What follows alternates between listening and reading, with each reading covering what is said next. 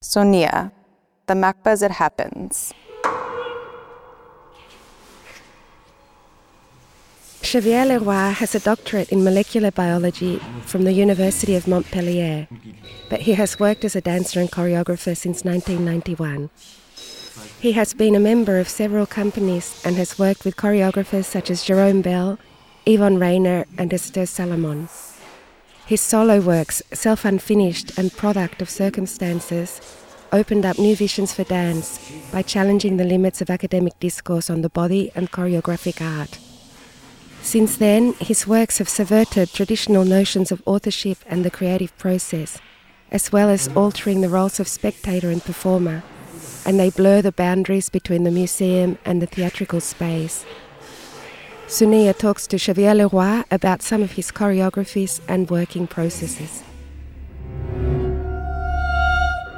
Product of Circumstances A Passage from Science to Choreography. How I remember the moment of the switch from science to choreography. I remember a lot of moments, not a moment. This is actually the part of one of the of my works that is called Product of Circumstances, which is a commission work by Mårten Spångberg, Christophe Wavelet, and Hortensia Völckers. They asked me in 1998 to do something about science and dance or biology and dance, or more widely, science and art.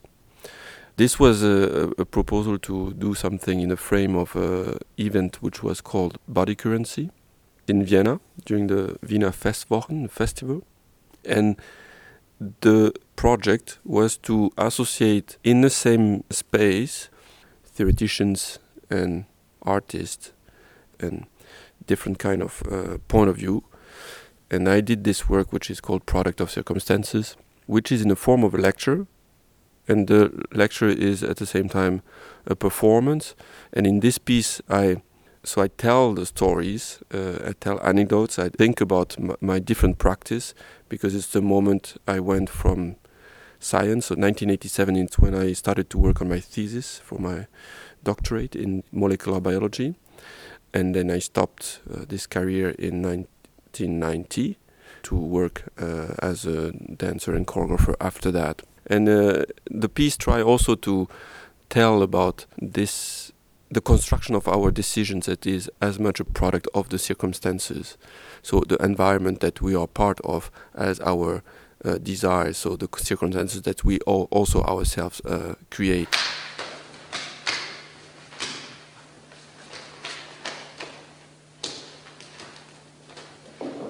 It was a struggle these years of back and forth and you don't know if you should switch or not and switch into a life that is less secure living as an artist than um, being already in a doctorate and having a, somehow a career plan so it was a difficult but i'm happy that i made this decision at the end the first time i present product of circumstances which i didn't expect at all as the place was for as much lecture as performances. So it was very weird or very open. I hate to say use the word open, but nevertheless it was open. One could uh, do uh, somehow something which could be as close to lecture or close to dance performance as one wants. And one of the spectators asked if this is all true, meaning is it really my life or the element that I tell in the story? and for me it was of course obvious of, course it's my life. And she was making me understand that i can make up this totally and we are in a place that is a, a theater. So this thing could be a, a theater text. And after this because of this remark i wrote the the text in the form of a score. So the text of this piece exists and can be uh, used by you, if you want to perform the piece, you can ask me the text and, and, and perform.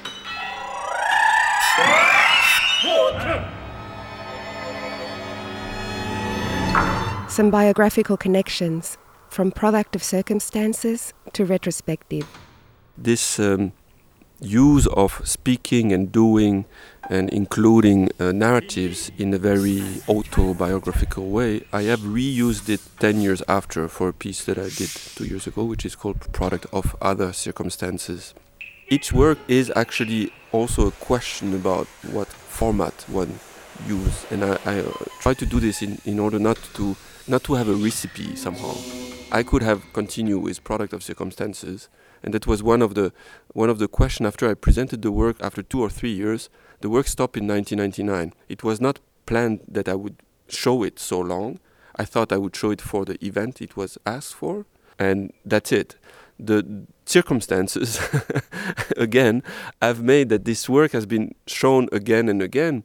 And then I had to make a decision. What should I do? Should I continue the piece uh, in the times, so uh, make it until 2003, 2004, etc., or should I leave it like this? And I decided to leave it like that at 1999, read always the same text and not adapting it to the time.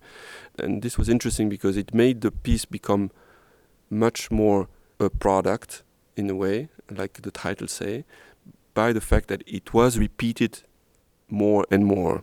But 10 years after, I reused exactly the, this, uh, this idea of to narrate a certain time, a certain period in the time, and uh, use this as a form of uh, uh, of performance.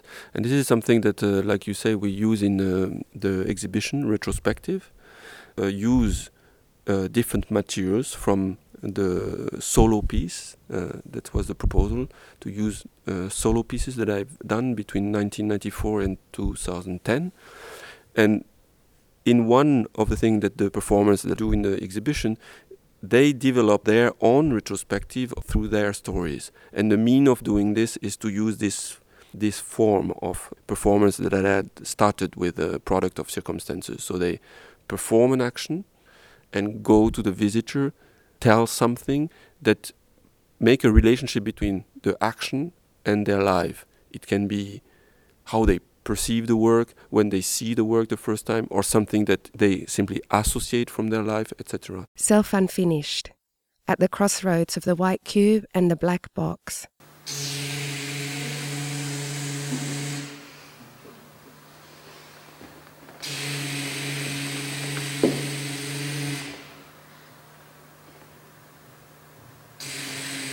A piece like um, Self Unfinished, which is uh, perform in a white environment with a white floor, white wall uh, on all sides, and lights which are neon lights uh, that are the roof of the uh, space.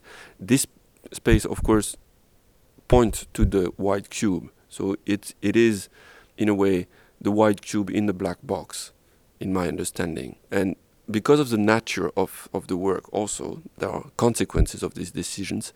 Um, the piece has also been invited to be performed in museum space, so in the white cube, which was for me an interesting also experience because it pushes to reconstruct the theater in the white cube.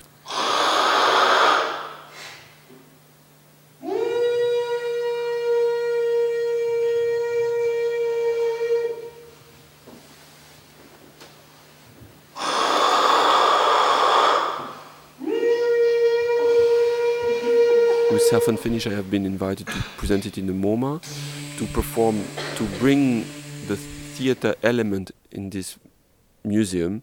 And they wanted originally that I perform several times in a day and etc. And of course, the, the piece is not at all made for this. The piece has a duration. There is a development that makes the piece. You don't get the work if you sneak in for five minutes. It's not constructed for, for this. So after a lot of discussions, I, I, propose in this case to do it at the end of the day. There is in the MoMA a very interesting uh, thing, and it's a sort of a tradition that half an hour before the closing of the museum, they say they announce the the museum will close in 30 minutes, and they say this in like I don't know 20 languages, so it takes like five minutes. And I propose we start the piece when they start to empty the museum. So the first half hour of the piece will be taking place when the museum gets emptier and emptier, and which construct the silence. The piece take place also in the silence, which was one of the problem that it was impossible to perform during the day because the the space is so loud. The atrium of the MoMA it's like it's like of course thousand people all the time, so it's very loud. And then the last half hour of the piece were f- for the spectator who had uh, their ticket sitting in front of the like in like in a theater. So it was a transition from from museum to theater, and it was very interesting to see how the piece actually operate on the museum and how in feedback the museum also operates on the piece. Retrospective, a living choreographic experience at the Tàpies Foundation. Do the work here in the, in the Fondation Tàpies where Laurence uh, Rassel came to me and say, so that's the space you can work. And uh, and as you say, it's a little bit of vertigo. Uh, say, wow, uh, this three spaces, three months. But the proposal made me made me think, and uh, it's totally different than suddenly to be oneself in front of this and say, okay, so but what if it's really like empty like this, big like this? What is it that I would bring in? Should I bring in something? And it is uh, quite a vertigo, actually, but uh, also very exciting. so in Fondation Tàpies, there are three spaces. It's open from 10 to, to 9, and the exhibition is six days a week for two months. So this is basically the duration that I have and the spaces that I have and that I think about how to organize. There is not a pre existing work that is transport in the, the museum or the exhibition space, but there are materials from works that have been done for the theater that are used to produce a work in the um, exhibition space. That's the difference, different tactics, if I, I can say so. The first one continue the relationship to time, which is there is a duration, there is a beginning and an end, and we use this and we place it in a, a place where usually you have no beginning and no end. But it's still theater somehow. It's still uh, it's about bringing theater in the museum in a, in a certain for my my perspective. In the case of retrospective, it's about visiting the. You talked about ritual. It's interesting this. Uh, notion of uh, ritual. So if I use your word ritual, it's bringing the ritual of the theater in the, in the space of exhibition in the first case.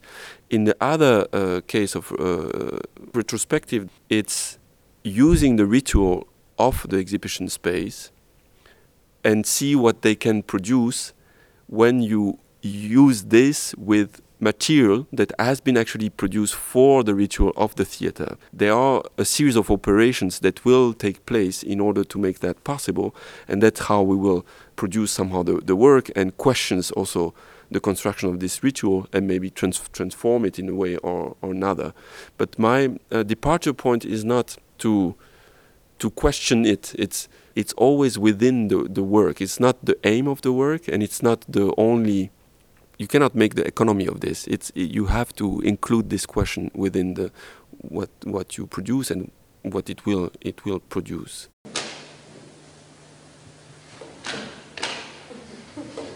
Rituals, conventions, and other artistic routines. My understanding of a ritual, it is something that repeats and that has a duration. That's why there is also this closeness somehow to performance, maybe, or, or one can associate it. So, a set of codes, a set of appointments, a series of action that will be repeated in order to give to the public the experience that they are that's how they are part of it. And that's that's how they they enter this mode of exchange through this ritual which are this prepared code organization of how the time will be organized.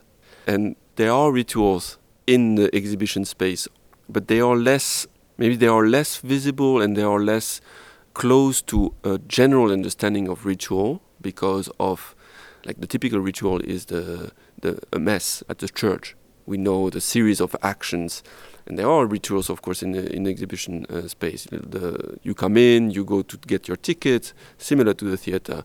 You put your coat off and your thing. Then there is another ritual, which is you don't speak too loud, uh, and that's uh, and that's also the interesting thing with the relationship with the church. I'm always struck by this, like it operates on us. We we speak like this like if uh, we would wake up the painting or something like this, or because we don't want to disturb the others, uh, which is probably also. But that's that's maybe a byproduct of the of the rituals. I don't. I'm not sure.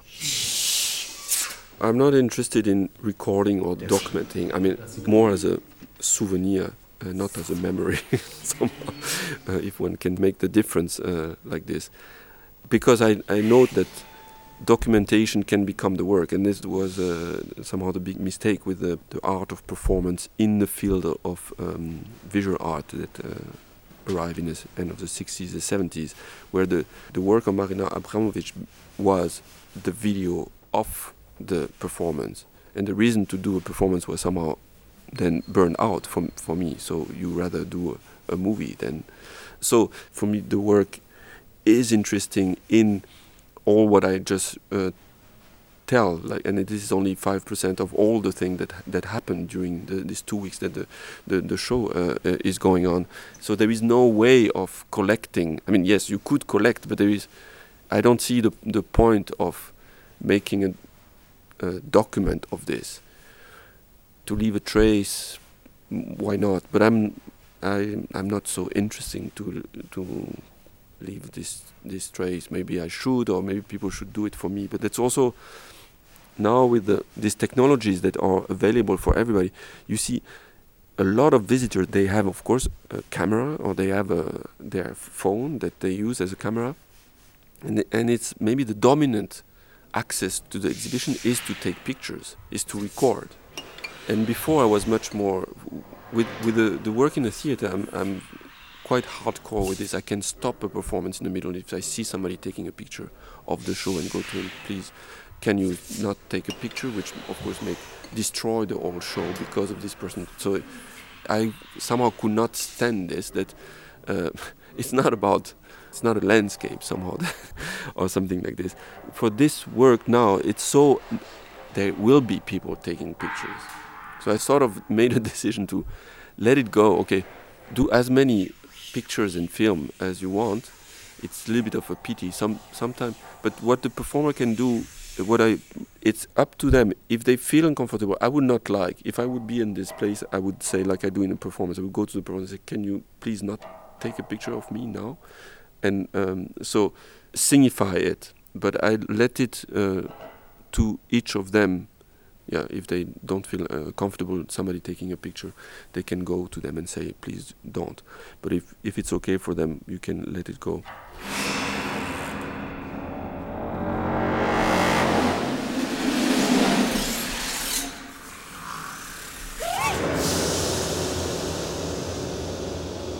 the relations with the visitor are multiple and they are very very exciting. They, the range is huge eh? from the people that run away, literally, they rather go away. So it's more this. There is also this visitor that come in the space and they have their audio guide on their ears where they listen to for example, the description of the architecture and the renovation of the building of Fondation Tàpies. And they have this amazing ability to go through the exhibition where four performers are actually acting because of their they come in the space, and these visitors have an amazing ability of ignoring and being totally absorbed in something else than what is going on in the room because there is no painting, because there is no object, and it cannot be that there is something in this room. And uh, I'm struck by this um, being able to construct an, a total absorption in something else, in yourself or in the the audio guide uh, helps for this it's great when a visitor talk about uh, her or his experience by bringing an association and a thought that the works has produced uh, and this can be expressed by taking part like the desire of learning a movement. It's amazing. I was not expecting at all this that a visitor would ask the performer if she or he can learn this exercise. It's it's I said like where does it come from? It's amazing. It's great, but it's also not my priority. Um, it's not yet the the maximum of wow it should be always I, I would not be comfortable with, with this and i think it's good as a range of possibility that it can um, produce also talking or expressing uh, saying what one think uh, is uh, is another way and this is of course the great when the work produce this uh, it's for me probably much more what i'm looking for than having a visitor that asks to explain but we have this very big question in this space where the visitor can converse with the performers because very often they ask for explanation or they or they can say I don't understand. So there is this access or this thing that the work should be understand meaning not experience or that the experience can only be produced by an, a way of understanding. And it's it's a struggle how to try to to turn the conversation and that's what we try to do what i ask the performer to work on is to to turn the conversation in a way that it's not about explaining the work which in a way it's not also possible to a certain extent. They can describe their experience of it. They can describe what they what they think about it but they cannot explain. This is this is more uh, more difficult. Macba.cat